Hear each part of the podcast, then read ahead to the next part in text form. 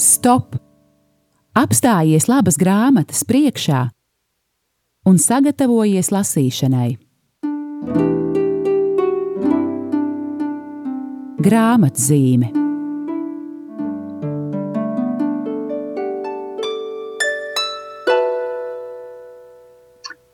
Esiet sveicināti, mīļie radio Marija Latvija klausītāji!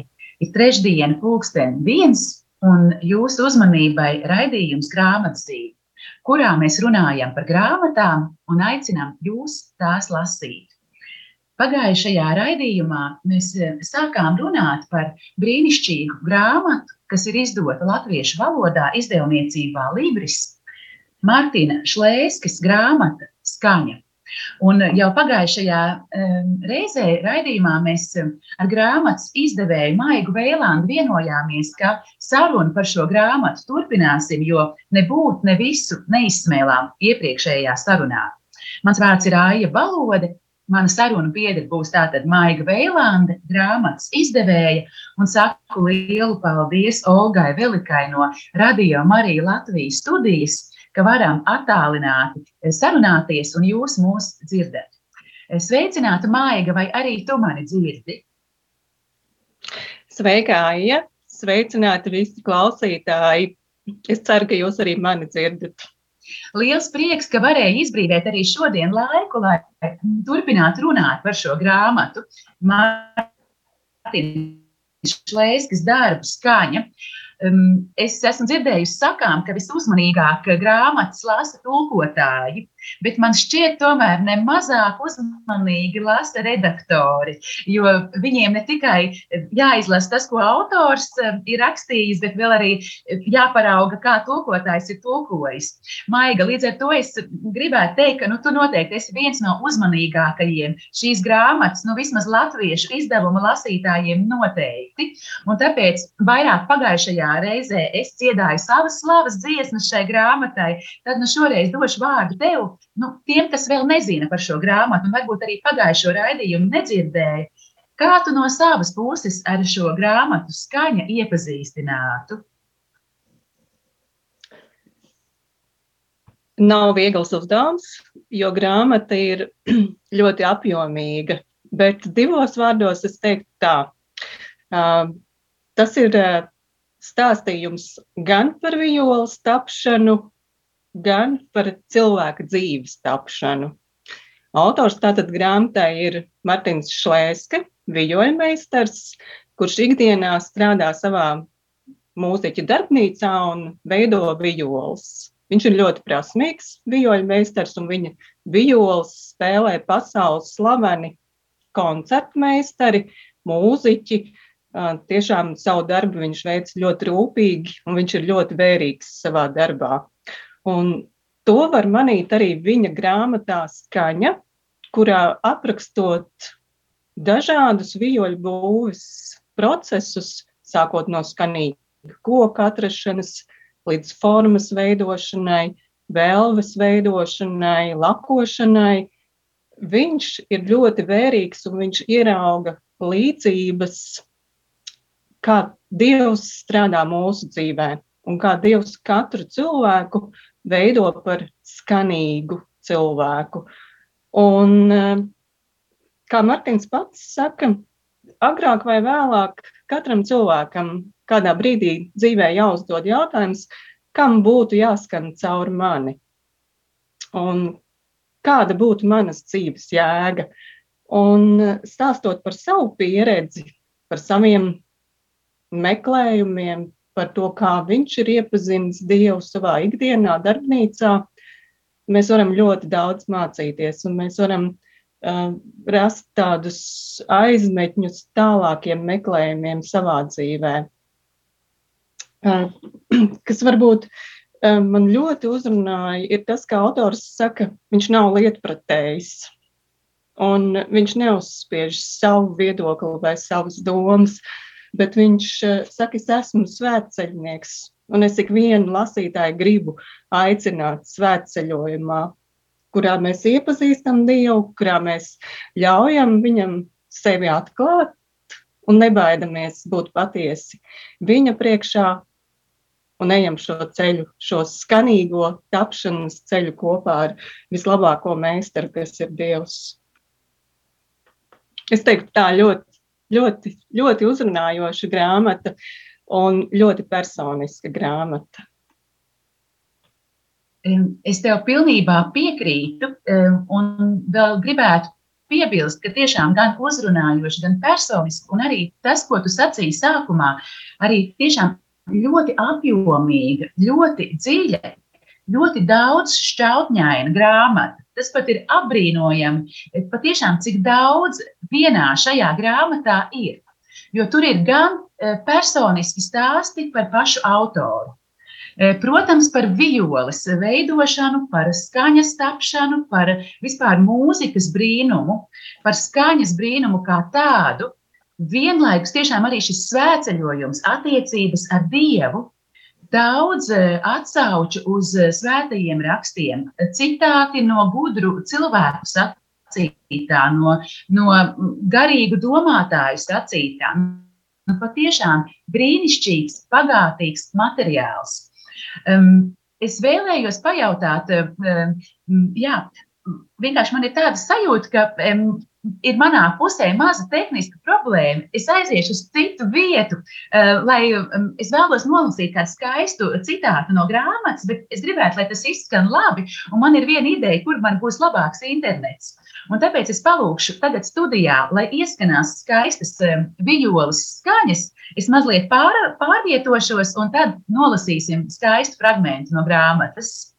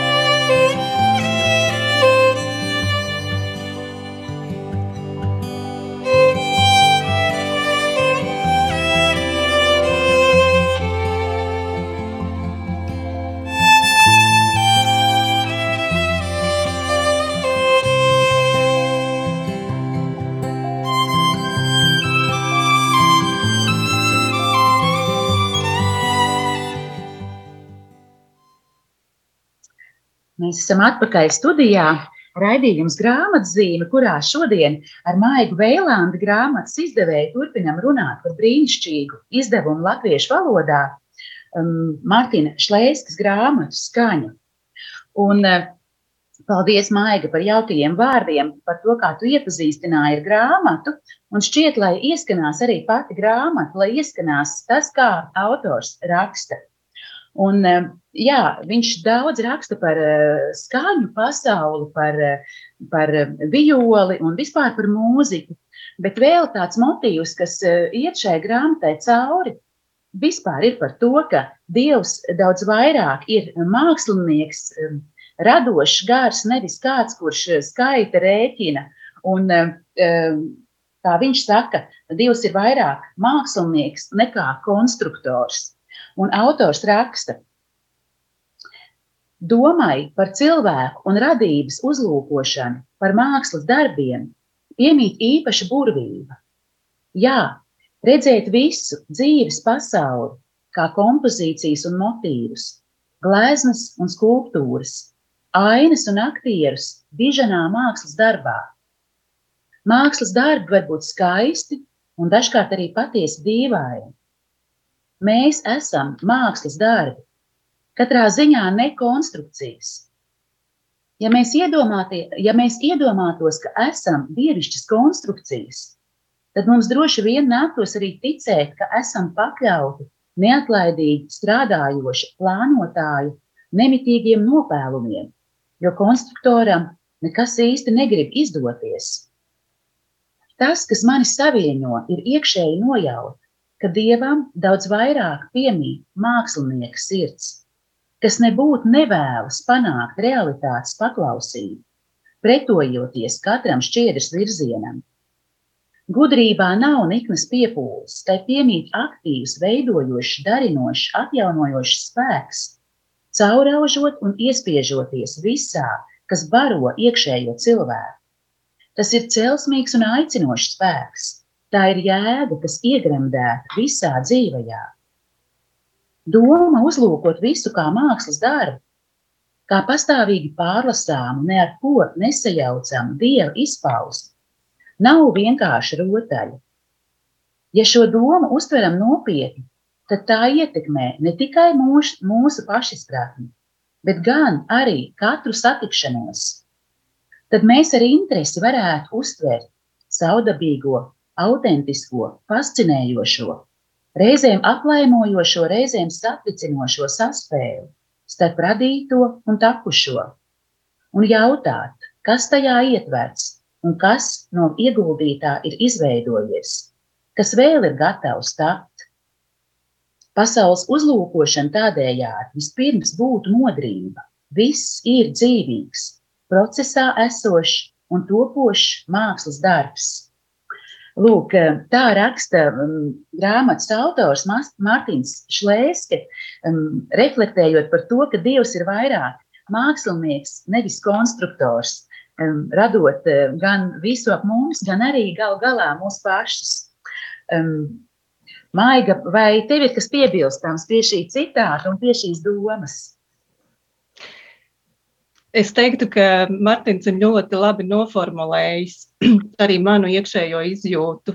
Bieži vien tas grāmatā tā, es, es ar prieku to secinu, ka tas, ko es esmu domājusi, bet neesmu pratusi noformulēt, ietērt vārtos, to viņš ir ļoti veiksmīgi izdarījis. Un šī ir viena no vietām, kas arī mani ļoti uzrunāja.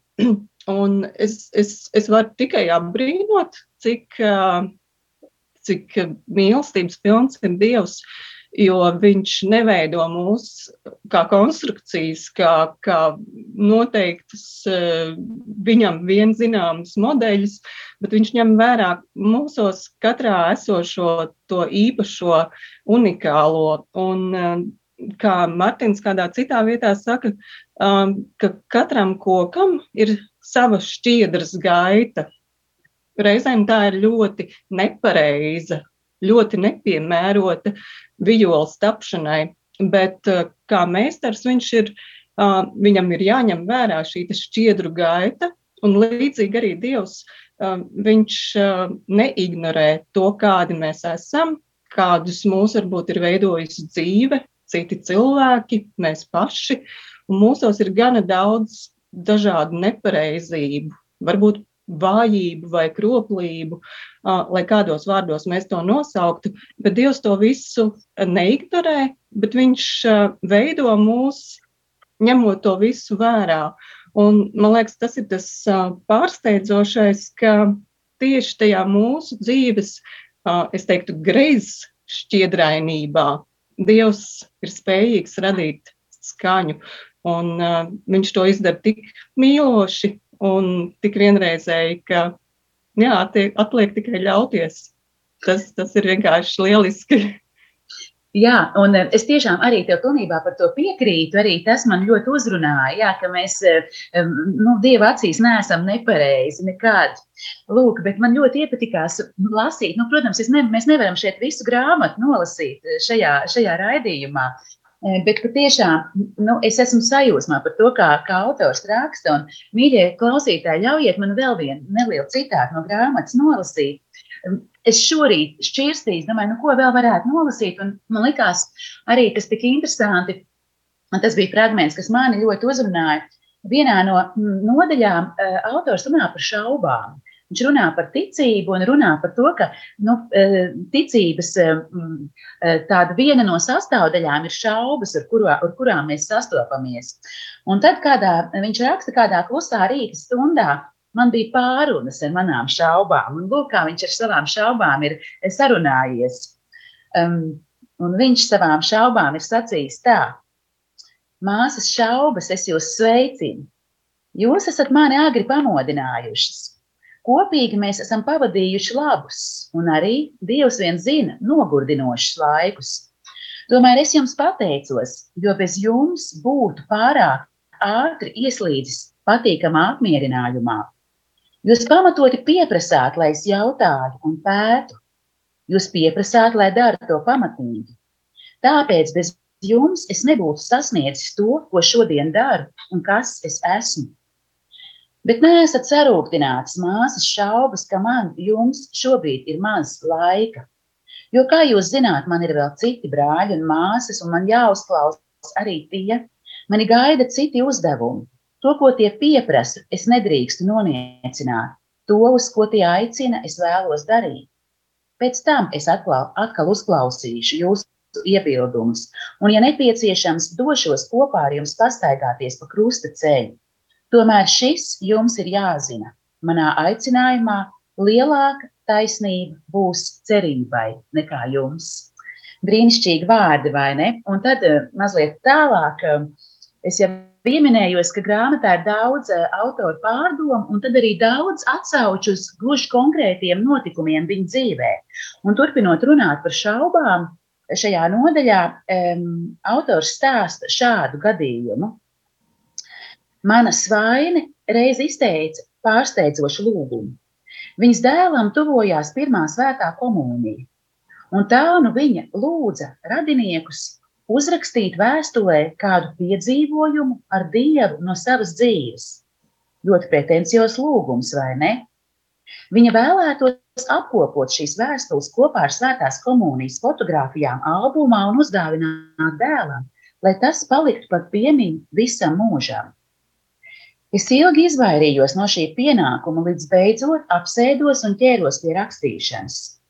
Es nerakstīju par skaistākajām virsotnēm dzīvē ar Dievu bet par laiku, kas mēnešiem ilgi bija tumsas pilns un tomēr beigās aizveda pie pārmaiņām.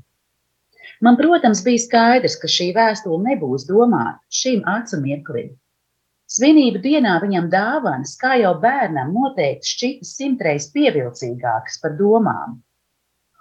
Tas bija teikums, ko izdzirdēju kādā naktī, un kas savā vienkāršībā man nozīmēja pavērsienu minētajā krīzē. Martin, raugi, ka tu mani mīli.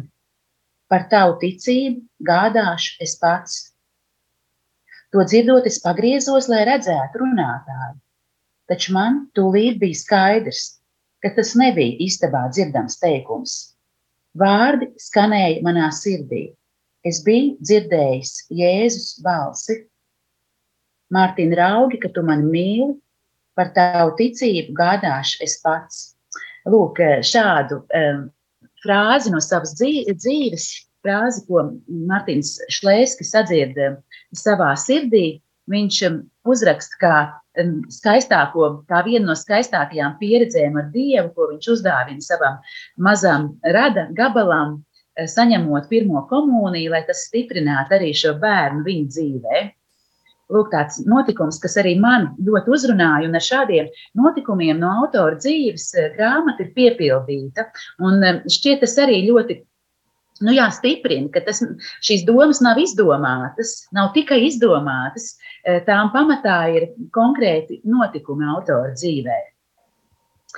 Jā, Maiga, droši vien, jā, varbūt, ko tu par to teiktu, vai tie ir drīzāk notikumi, vai tās ir drīzāk pārdomas, Kas tevi uzrunāja? Man varbūt tāda tīri tehniska piebilde. Es sākumā teicu, ka grāmata ir ļoti apjomīga, un tāda tā patiešām arī ir. Bet es gribu varbūt iedrošināt tos, kas nu, neuzskata sevi par lieliem grāmatu lasītājiem. Grāmatai ir 14 nodaļas. Un pašā, pašā sākumā ir ļoti tāds izvērsts satura rādītājs, kur ir gan katras nodaļas nosaukums un apakšnosaukums, gan arī katra nodaļa ir sīkāk sadalīta mazās kā, sadaļās, un arī tām katrai ir savs virsraksts. Un, uh, piemēram, ja jums nav daudz laika lasīt, vai neesat lasītājs liels, jūs varat izlasīt pavisam mazu epizodu no šīs grāmatas. Un arī tas, ko Aija lasīja, tās bija mazas epizodes no šīs grāmatas. Un man liekas, ka tās ļoti labi ilustrēja, ka šī grāmata var būt ieguvums nesot lielam lasītājam, bet var saņemt ļoti labas domas, ļoti labas ierosmes visai dienai. Un, nu, es, es teiktu, ka tas ir ļoti liels šīs grāmatas ieguvums. Nav obligāti jāizlasa visa grāmata, nav obligāti jālasa no sākuma līdz beigām. Droši var sākt lasīt vidū, varbūt izlasīt tikai vienu lapusi, bet jūs jau būsiet ieguvēji. Un, nu, tā ir tāda apsveicama Martina spēja, ka viņš ļoti koncentrēti, ļoti īsā um, saturiskā veidā spēja pasniegt to savu domu un izdarīt to tik saistošu un tik saprotamu, ka nu, tu jūties bagātināts ar to, ko tu esi izlasījis. Jā, Maija, liels paldies par šo piebildi. Tas patiešām ir fakts, ka tas nav romāns, kuru kaut ko palaižot garām, pavadiens ir pārtraucis un nav iespējams sekot līdzi domai. Patiešām šo grāmatu patiešām var lasīt par inkopai, var lasīt pa, pa nodaļai, vai var lasīt no dažādām vietām sākot. Lūk, es domāju, lai ieskanās vēl kāda skaista vijoles skaņa, un tad turpināsim mūsu sarunu gan par šo grāmatu, gan pieskarsimies vēl vienai jaukai grāmatai, pie kuras tu esi strādājusi, Maiga.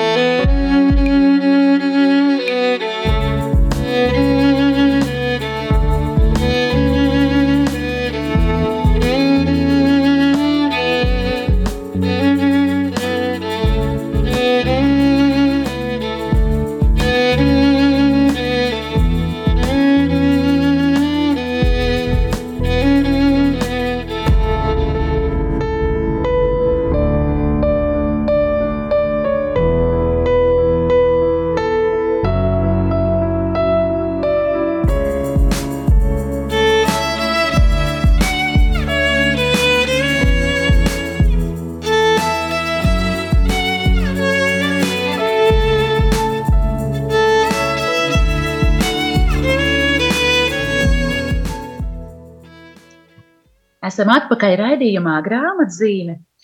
Šodien es Aija Balodu sarunājos ar Maigu Veilandi no izdevniecības Libras.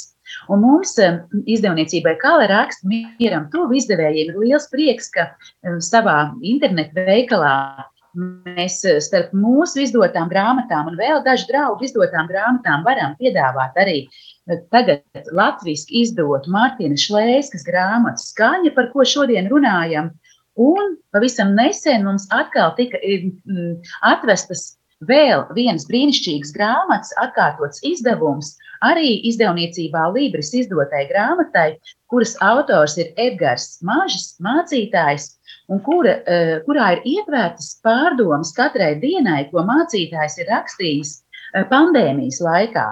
Bet interesanti, ka šīs pārdomas ir ļoti lasāmas, ļoti uzrunājošas arī šodien.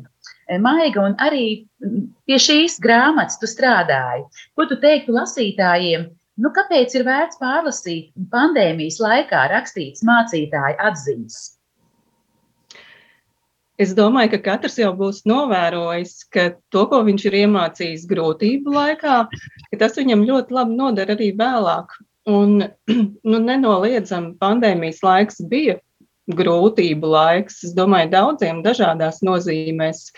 Uh, un daudz ko mēs noteikti arī mācījāmies. Labāk iepazīstinām sevi, varbūt arī savu ģimeni, savus draugus. Un tas noteikti kaut ko mācīja. Tāpēc es teiktu, ka tas nav pagājis laiks, un tās nav pagājušas pārdomas. Bet es teiktu, ka viņas ir aktuālas, jo viņas pievērš uzmanību pašam, pašam būtiskākajam dievam un nu, arī tam, kā viņš darbojās mūsu grūtībās, mūsu tajās krīzes situācijās.